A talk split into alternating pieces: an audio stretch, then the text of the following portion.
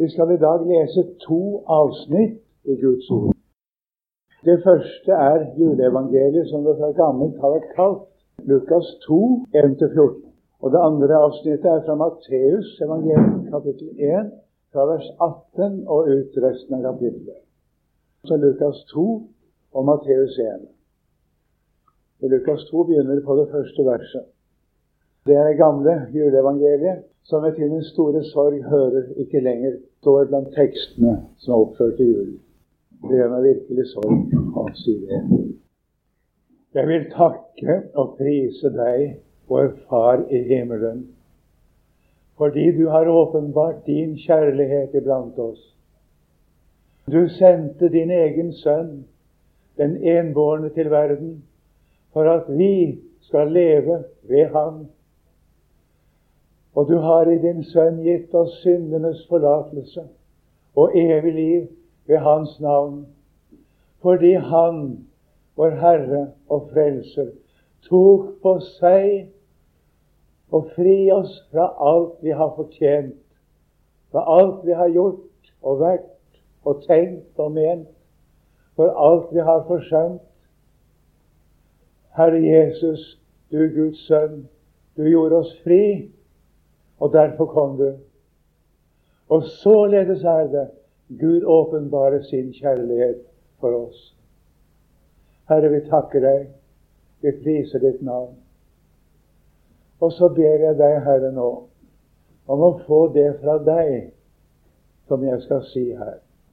Jeg ber at du gir meg tankene og ordene til å uttrykke dem med. Herre, det ber jeg om i ditt eget navn. Amen. Så skal vi lese Jesu navn fra Lukas evangelium, kapittel 2, og fra det første vers. Og det skjedde i de dager at det utgikk et bud fra keiser Augustus at all verden skulle innskrives i manntall. Dette var den første innskrivning i den tid Kvirinius var landshøvding i Syria. Og alle gikk for å la seg innskrive, hver til sin by. Men også Josef dro opp fra Galilea, fra byen Nasaret, til Judea, til Davids stad, som heter Betlehem, fordi han var av Davids hus og ett, for å la seg innskrive sammen med Maria, sin trolovede, som var fruktsommelig. Og det skjedde mens jeg var der. Da kom tiden da hun skulle føde. Og hun fødte sin sønn, den førstefødte, og svøpte ham og la ham i en krybbe, for det var ikke rom for dem i herberget. Og det var noen hyrder der på stedet som var ute på marken og holdt nattevakt over sin jord. Og se, en Herrens engel sto for dem, og Herrens herlighet lyste om dem, og de ble meget forferdet. Og engelen sa til dem, forferdes ikke, for se, jeg forkynner eder en stor glede som skal vederfares alt folket. For dere er i dag en frelser født som er Kristus, Herren, i Davids stad. Og dette skal de ha til tegn. De skal finne et barn svøpt liggende i en krybbe. Og straks var det hos englene en himmelsk herskare som lovet Gud og sa:" Ære være Gud i det høyeste, og fred på jorden, i mennesker Guds velbehag. Så skal jeg med det samme lese oss fra Matteus første kapittel. Der er det fra vers 18. Men med Jesu Kristi fødsel gikk det således til. Da hans mor Maria var trolovet med Josef, viste det seg, før de var kommet sammen, at hun var fruktsommelig ved Den hellige ånd. Josef, hennes mann, som var rettferdig, og ikke ville føre skam over henne, ville la seg skille fra henne i stillhet. Mens han nå grunnet på dette, se, da åpenbarte en Herrens engel seg for ham i en drøm og sa:" Josef, Davids sønn, frykt ikke for å ta din Maria, din hustru, til deg. For det som er avlet i henne, er av Den hellige ånd.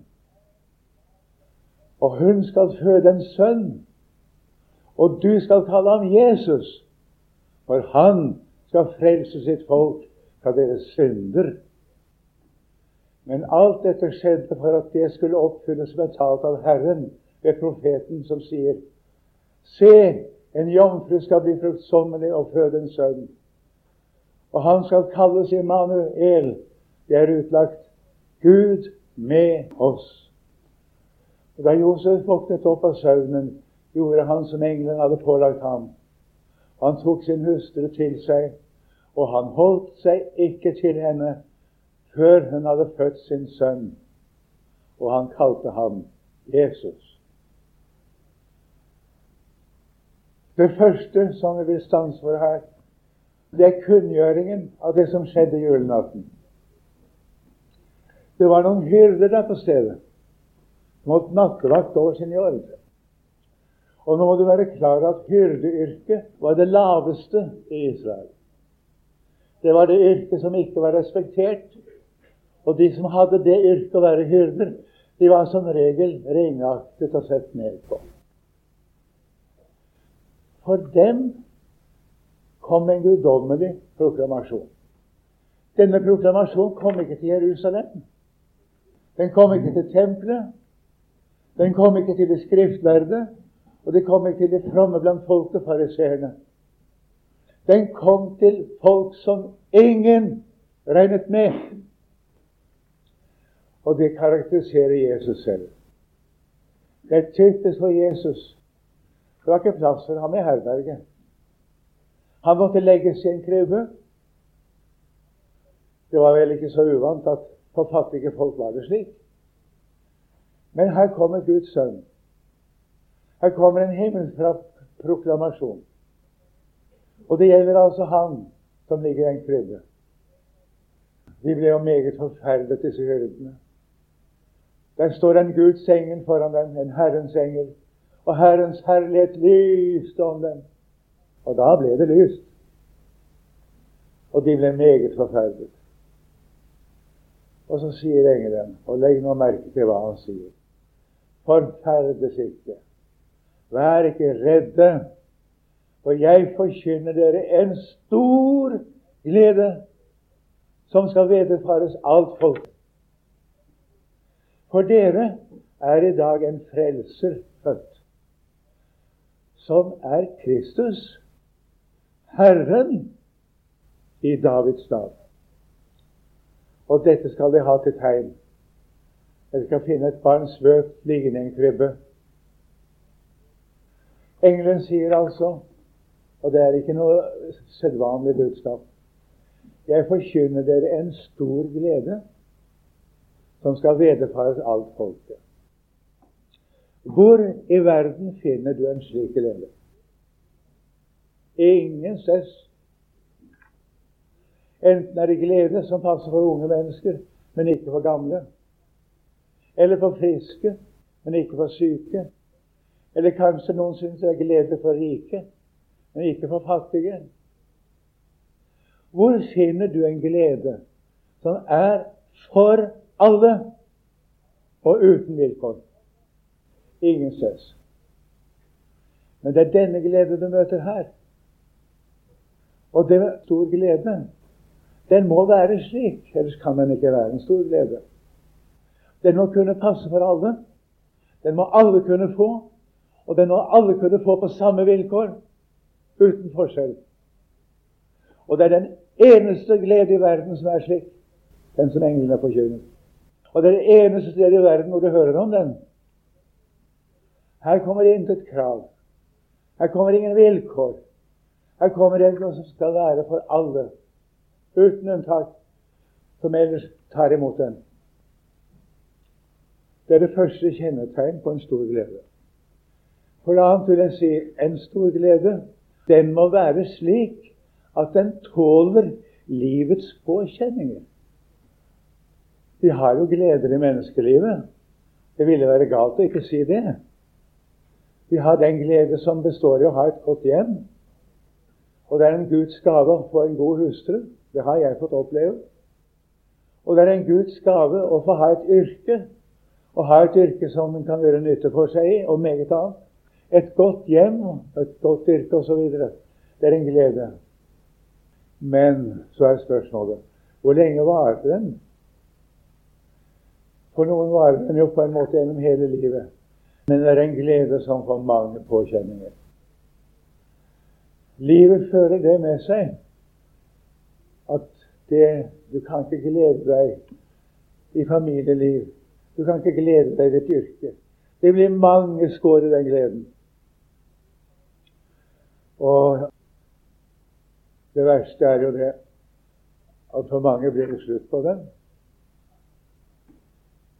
Den gleden som skal være stor, den må kunne hjelpe meg når de gleder Gud har gitt oss i menneskelivet, svikter for meg. Da må jeg ha en glede som holder, som holder meg oppe, som gir livet mening og gir livet mål. Den finner du her. Det er den englene forkynner. En slik glede. Og for det tredje en stor glede. Den må kunne være meg til hjelp når jeg står for Guds ansikt og ser meg selv i Guds lys. Jeg vet hvordan det går da. Når jeg står der og får se meg selv så sant som jeg ellers blir nødt til å se meg på dommens dag. For det er det som er meningen. Når et menneske blir vakt, da får et menneske det er av sannheten. Og hvis det er en vekkelse, da, da får det se seg selv slik som en må se seg selv på dommens dag. Og da har jeg ikke noe å stille opp. Jeg fikk se at hele mitt liv var en eneste sammenhengende synd. Hva hadde ikke jeg forsømt? Hva hadde jeg ikke tenkt og ment og gjort? Hva hadde jeg ikke hatt av lyster og begjæringer? Hva hadde jeg ikke hatt av forsømmelser? Hva jeg burde ha vært og gjort og ikke hadde gjort det? Og det verste var det at også det som menneskelig sett kunne være godt i mitt liv, også det var jeg dømt for da jeg sto for Guds ansikt. Den gleden som skal være stor, den må kunne hjelpe meg da. Og det er den gleden englene forkynner. Den gleden som hjelper deg når du ser sannheten om deg selv. For dere, sier han, er i dag en frelser. Ja, hva er nå en frelser? Jeg fikk det spørsmålet da jeg var ganske ung. Og en som spurte om det var en frelser for noe. Jeg måtte tenke meg om før jeg kunne svare. Men så kom svaret til meg. Og det kom etter Guds ord, men med litt andre uttrykk, da. Jo, sa jeg, en frelser det er en som går i mitt sted og tar ansvaret for meg, og som frelser og redder meg ut av det som er fare for meg. Og den som skal være en frelser, han må dele kår med den han skal redde og frelse. Den som skal redde den druknende, kan ikke stå på land og si 'stakkars ham'. Men når han er ute i vannet til ham, så kan han dra ham på land. Altså dele kår med ham. Og for å si det kort her har vi et budskap om at Guds egen sønn har kommet inn i våre kår, i dine kår og mine. Han kom stillferdig. Legg merke til alt det Jesus har gjort, alt det Jesus har vært, er stillferdig. Det kom aldri med brask og bram. Jesus sto ikke frem og proklamerte seg selv. Og hans far i himmelen proklamerte ham heller ikke for menneskeheten, annet enn for disse hyrder. Han kom stille, han kom ubemerket. Han lot ikke sin røst høre på gatene. Det var ikke sensasjon, det var ikke skrik og skrål. Det var ikke noe skriving Man hadde vel ikke aviser den gang på samme måte som vi. Men om det hadde vært i dag, så hadde det ikke vært det minste avisskriving om det. Og ingen hadde visst om det, for han kom i stillhet. Og fremdeles kommer han i stillhet til hvert enkelt menneske han kommer til. En frelser det er altså en som har delt våre kår. Han har tatt våre kår på seg for at vi skulle bli fri våre kår. Det er hemmeligheten. Det skal bli fri, det er det jeg har gjort, osv. Hva jeg har tenkt, hva jeg har ment, og ikke minst hva jeg har forskjønt. Han har gjort meg fri. Og hvem er så denne frelser? Da kommer det utrolige i dette budskapet. Det er Kristus. Det er ham som hele Skriften vitner om, like fra begynnelsen av. Det skulle komme en født av en kvinne som skulle gjenopprette syndefallet, som også ble formidlet ved en kvinne til å begynne med. Og det er understreket i Guds ord. Kvinnen var årsak til mannens fall. Og Det er blant annet derfor at kvinnen ikke skal ha ledelse i Guds menighet på jorden. Det er begrunnelsen i Skriften. Den får vi holde oss til hvis vi vil holde oss til sannheten. Det er ikke noen likestillingslov som gjelder her, til tross for at det mangler ikke på at Gud har brukt kvinnen. Og det mangler ikke på at Gud gir kvinnen nådegaver. Hun har profetisk gave.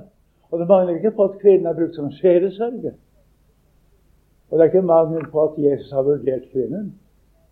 Han har til og med vurdert enkelte kvinner høyere enn sine egne disipler. Det gjelder Maria, Martas søster. Hun har vurdert høyere enn noen disippel i Johannes 12. Og det gjelder også Maria Magdalena, som Jesus sendte bud med om sin oppstandelse. Hun sto utenfor graven. Hun var den første som, ble, som gjenkjente Jesus. Da hun sto der og gråt og trodde det var gartneren hun snakket med, og sa har du tatt ham til å si meg hvor du har lagt ham? Så kan jeg få komme og ta ham. Maria, sier Jesus. Da så hun ham. Og så ble hun sendt. Gå og si til mine brødre. Jeg farer opp til min Fader og eders Fader, til min Gud og eders Gud. Gå til mine brødre.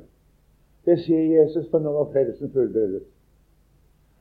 Han brukte en kvinne til det. Han brukte det hele tatt kvinnen og Jesus når det ellers var gudfryktig og trodde på ham. Men det var én ting han ikke brukte dem til. Han gjorde ingen av dem til apostler. Hadde det vært likestilling, ville Jesus valgt seks av hvert kjønn. Men det var nettopp det han ikke gjorde, og ikke ville gjøre. Men vi må tilbake igjen til ordet vårt som vi har gått ut fra. Her er Kristus. Det betyr altså Guds salvede. Og vi har tre forbilder på det i Det gamle testamentet. Det første er ypperstepresten. Han er stedfortreder og skal en gang om året bringe soneofferet inn i det aller helligste. Han er forbildet på Jesus. Han er forbildet på ham som bringer sonofferet, Jesus Kristus, Guds sønn. For det annet er han forbildet på profeten. Jesus er ikke profet, men han er profeten. Han er opphavsmann til Guds ord. Både i Det gamle testamentet og i Det nye. Den egentlige forfatter av Bibelen, det er Herren, det er Kristus, det. Han talte ansikt til ansikt med Moses. Han talte med Moses som en mann med sin neste, osv. Og, og profetene de sto i Herrens fortrolige råd. Og mange lignende ting kan nevnes. Det var Kristus før han kom som menneske, før han ble Jesus, som var opphavsmann til Det gamle testamentet, og som var den som var profetenes eller som profeten var redskap for. For det tredje er han også kongen. i Det gamle testamentet. Og ikke en konge, men kongen. Kongenes konge og herrenes herre. Han ligger i en krybbe i Betlehem. Er ikke det et underlig budskap? Det var han som kom. Og står det han er Kristus. Han er Guds salvede. Det er han som har talt i Det gamle testamentet, som nå ligger der i krybben. Og så står det videre Han er Herren. Det er Gud selv. Det står her med rene ord, hvis du vil ta det slik som det er ment i grunnteksten. Det er Gud selv som ligger i andre strå som brorsan. Dette er et veldig budskap. Han kom.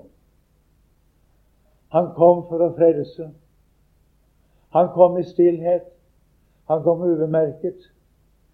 Og han hadde ikke levd så svært lenge før han måtte flykte med sine foreldre til Egypten. Og Der var han i to år, det var gått to år, og Herodes var død. Så kom han tilbake igjen, like ubemerket, en annen vei enn han hadde reist først. Det var hans foreldre som førte ham med seg da. Og så levde han i Nasaret og vokste opp i alder og yndest og En ting til var det, da. Hos Gud og mennesker. Ja. Men han vokste opp ubemerket. Vi hører ham én gang i tempelet. Da sier han underlige ting. Så de skriftlærde, og det var ikke småtteri, de skriftlærde de måtte undre seg. Og det hadde aldri hørt slik tale. Det var en tolvårsgutt. Men det hele ble ikke noen sensasjon. De glemte nok ikke den gutten de skriftlærde som hadde vært sammen med ham. Det gjorde de nok ikke. Men nå var det ingen sensasjon.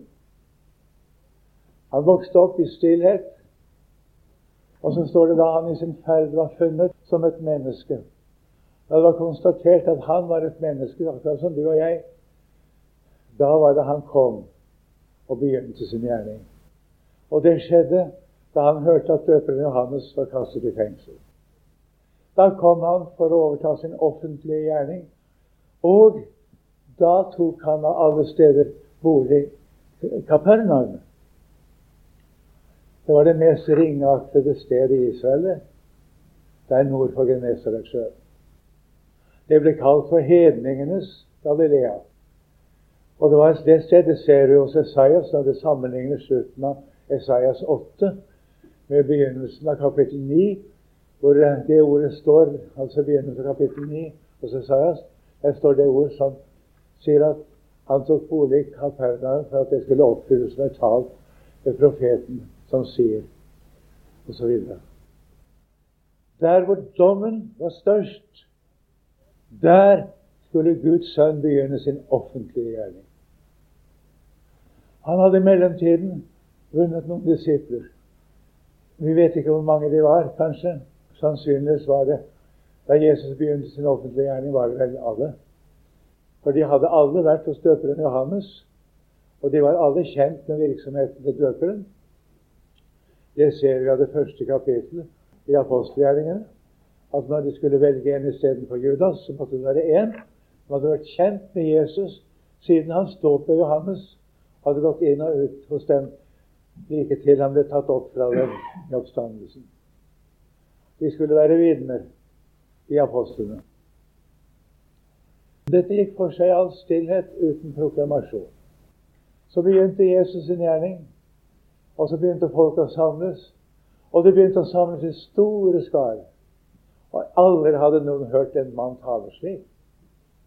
Og Det kom utsendinger fra fariseerne og de skriftlærde for å høre ham.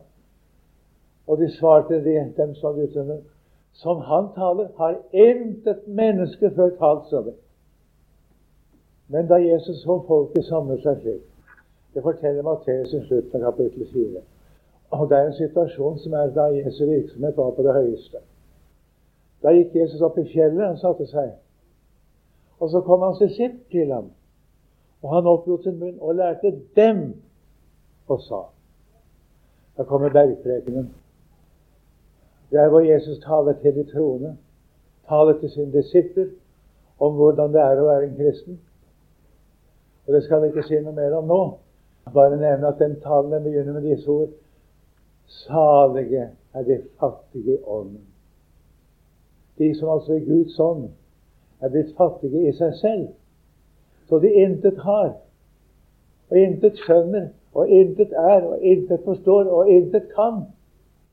Salige er de, for himlenes rik er deres, sier Jesus. Han sier med et uttrykk som blir deres og ingen andres. Er ikke det merkelig at når Jesus skal tale om vårt liv som kristne, så begynner han med det? Salig er den som ikke er noen ting. Han kom i stillhet. Han arbeider i stillhet. Han ble offentlig kjent. Og for en gangs skyld dro Jesus offentlig inn i Jerusalem. Og det var siste gang han dro inn i Jerusalem. Og da var det for å lide og dø og ta dommen og straffen som mennesker har fortjent. Da ble han hyllet offentlig. Men det varte ikke lenge med den hyldelsen, hyldelsen. For like etter så ropte de 'Korsfest! Korsfest ham!' Han ble behandlet som en bedrager, som en landssviker, som en synder. Jesus sto for retten, først for Det høye råd, siden for Pilatus, så ble han anklaget for alle slags synder. Han svarte ikke et ord på det. Pilatus undret seg, står det. Svarer du ikke på det som de anklager deg for, sier Pilatus. Men Jesus svarte ikke. Hvis du hadde stått der, hvis jeg hadde stått der, hvis noen hadde sagt om meg at jeg var ikke til å stole på, jeg har gjort det og det som er galt, osv. Ja, det hadde vært sant, det. Nå står Jesus der. Han svarer ikke på en eneste anklage. Og hvorfor det? Han er den som er anklaget. Han er sendt for å stå i menneskers sted. Og Derfor svarer han ikke. Men så blir han spurt om hvem han er. Jeg tar deg i ed ved den levende Gud, at du sier oss om du er Messias, Guds sønn, spør ypperstepresten. Da svarte han, da sønderrev ypperstepresten sine klær og sa Hva skal vi mer med vitner? Når har dere hørt det selv? Han har spottet Gud. Han er skyldig til døden. Og hele det høye råd sa amen til det. Og likedan på Pilatus. Pilatus undret seg om hvem Jesus var. Kunne hadde riktig få rede på det. Jeg kan ikke komme mer inn på dette nå for tidens skyld. Men det resulterte i at han som Faderen har sendt til verden. Guds egen sønn, født av Faderen fra evighet. Han kom, og han tok dommen. Som sagt, han kom i stillhet. Det var en kvinne i Nasaret som fikk bud en dag av engelen. Når engelen Gabriel så kom med bud til henne. Hun var en 15-16 år gammel. En kvinne som var gudfryktig. Det var hun. En meget gudfryktig kvinne. Men ingen ante noe om det som skjedde. Engelen Gabriel kommer til henne og sier du skal få et barn ved Den hellige ånd. Hun ble altså gravid, som vi ser, uten å ha vært sammen med noen mann. Og det står om det som vi leser i Matteus 1. Hun var forlovet, trolovet med Josef. Og så viste det seg, før de var kommet sammen eller hatt noe med hverandre å gjøre, at hun var fruktsommelig. Og så blir det tilføyd det som Josef da ennå ikke visste. Det får vi vite med en gang. Hun var fruktsommelig ved Den hellige ånd. Og så måtte Gud også åpenbare seg for Josef, og det gjorde han. Og sier det frykt ikke for å ta din hustru Maria til deg. Navnet hustru ble brukt også om den som var forlovet i jødisk tid. Allerede fra forlovelsen av gjaldt det som ekteskap bare det at de hadde, kunne ikke ha seksuell omgang før ekteskapet. Det var synd å ha. Så det hadde de ikke. Men ellers ble den forlovet kalt for en hustru. Og det ble sagt Frykt ikke for å ta din hustru Maria til deg. For det som er avlet i henne, er av Den hellige ånd. Gud grep altså inn. Og det er jo underlig å tenke på at Herren selv har gått igjennom hele utviklingen til mennesket fra å være foster i mors liv og til døden. Josef han ble overbevist. Og det som overbeviste Josef, det skjønner vi. Det var fordi det var et Guds ord som Gud hadde talt før, som gikk opp for Josef. At nå var det skjedd. Se, en jomfru skal bli fruktsommelig og føde en sønn. Og jomfru betyr her ikke bare en ugift, som vi ville kalle det. Men det betyr en kvinne som aldri har vært sammen med en mann. Det betyr jomfru på det stedet. Hun skal bli fruktsommelig og føde en sønn, og du skal kalle ham Jesus. Joshua heter egentlig. Og Det betyr 'den som Gud bruker til å frelse'. Det navnet Jesus er altså bestemt i himmelen. Det er ikke bestemt av mennesker.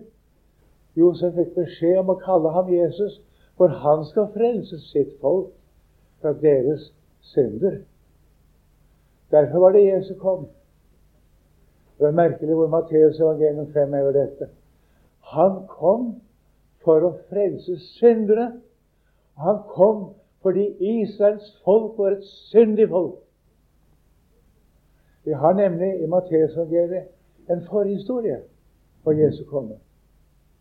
Det blir kalt ettertavle, og det er det jo ikke. Det er en kortest mulig forhistorie. Den faller i tre deler. Og høydepunktet i den historien er David. Kong David står det. Den første delen så er det noen kvinner som bemerkes. Og merk at det er syndige kvinner. Og så er det en hedningekvinne, Rødt. De blir bemerket. Og det er Matteus fremhever. Han fremhever det syndige, det gale, i Israels historie. Og Når vi kommer sånn til David, så kommer det en kongerekke nedover, hvor han har utelatt flere konger for å gjøre den andre perioden lik den første. Det har han gjort med vilje. Og han oppfordrer oss indirekte til å telle etter i vers 17. Og blant de konger som er nevnt der, er det flere ugudelige konger, mens noen av de beste er utelatt. Og så kommer en tredje periode. Den nevnes jo ikke. Vi har ikke noen anledning til å vite hvor lang den egentlig var historisk. Men disse tre avsnitt har innbyrdes tilsvarende betydning. Det er en oppgangstid i Israels historie, selv om den også er merket av synd. Fordi den politiske ledelse lot seg lede av den åndelige ledelse. Sitter oppover til høydepunktet kong David. Så kom den andre delen. Da gikk det nedover. Fordi den politiske ledelse gikk imot den åndelige. Den politiske gikk imot profetene. Så gikk det nedover. Og så kom fangenskapet. Og så kommer en tredje periode. Det er en forventningens tid.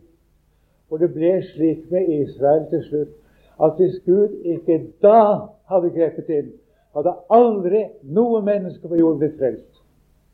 Så langt gikk det. Det var tidens fylde, det.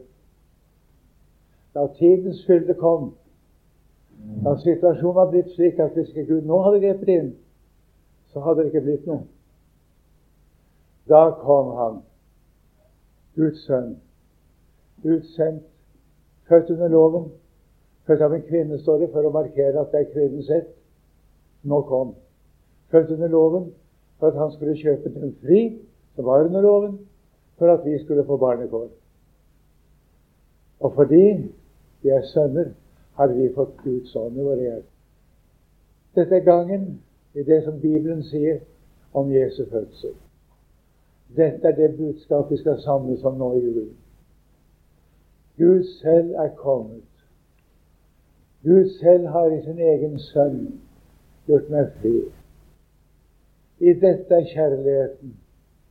Ikke at vi har elsket Gud, men at Han har elsket oss og sendt sin sønn til soning for våre synder. Og så er vi blitt fri. Da Jesus døde, da døde du og jeg med ham i Guds øyne. Vi ble satt til side. Vi ble forkastet. Og da Jesus døde, da døde vi. En er død for alle. Derfor er de alle døde. Og Gud regner ikke mer med oss. Det er derfor så trist å tenke på at det som vi hører minst om i julen, er det som egentlig skjedde. Og vi hører ikke om det at Gud har gjort oss fri. At én er død for alle.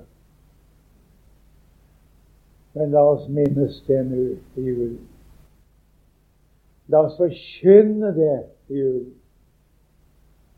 La oss be Herren om at vi får lov å være vitner om Ham i julen. Det er da det er jul. Du, Guds sønn, har gjort oss fri. Vi takker deg for dette, Herre. Vi takker deg i ditt navn. Vi ber oss i ditt navn når julen stunder til, at du gir oss å komme det i hu som du forkynner. Og regne med det her, at det gjelder oss. At det er vi som er blitt fri. At Gud har elsket verden så at han ga sin egen sønn. For at hver den som tror på ham, skal ha, ikke skal gå fortapt, men ha evig liv. Og takk, Herre, dette har du gitt oss uten at vi kan gi deg vederlag. Dette får vi for intet. Herre, vi ønsker å si ære være Gud i det høyeste. Amen.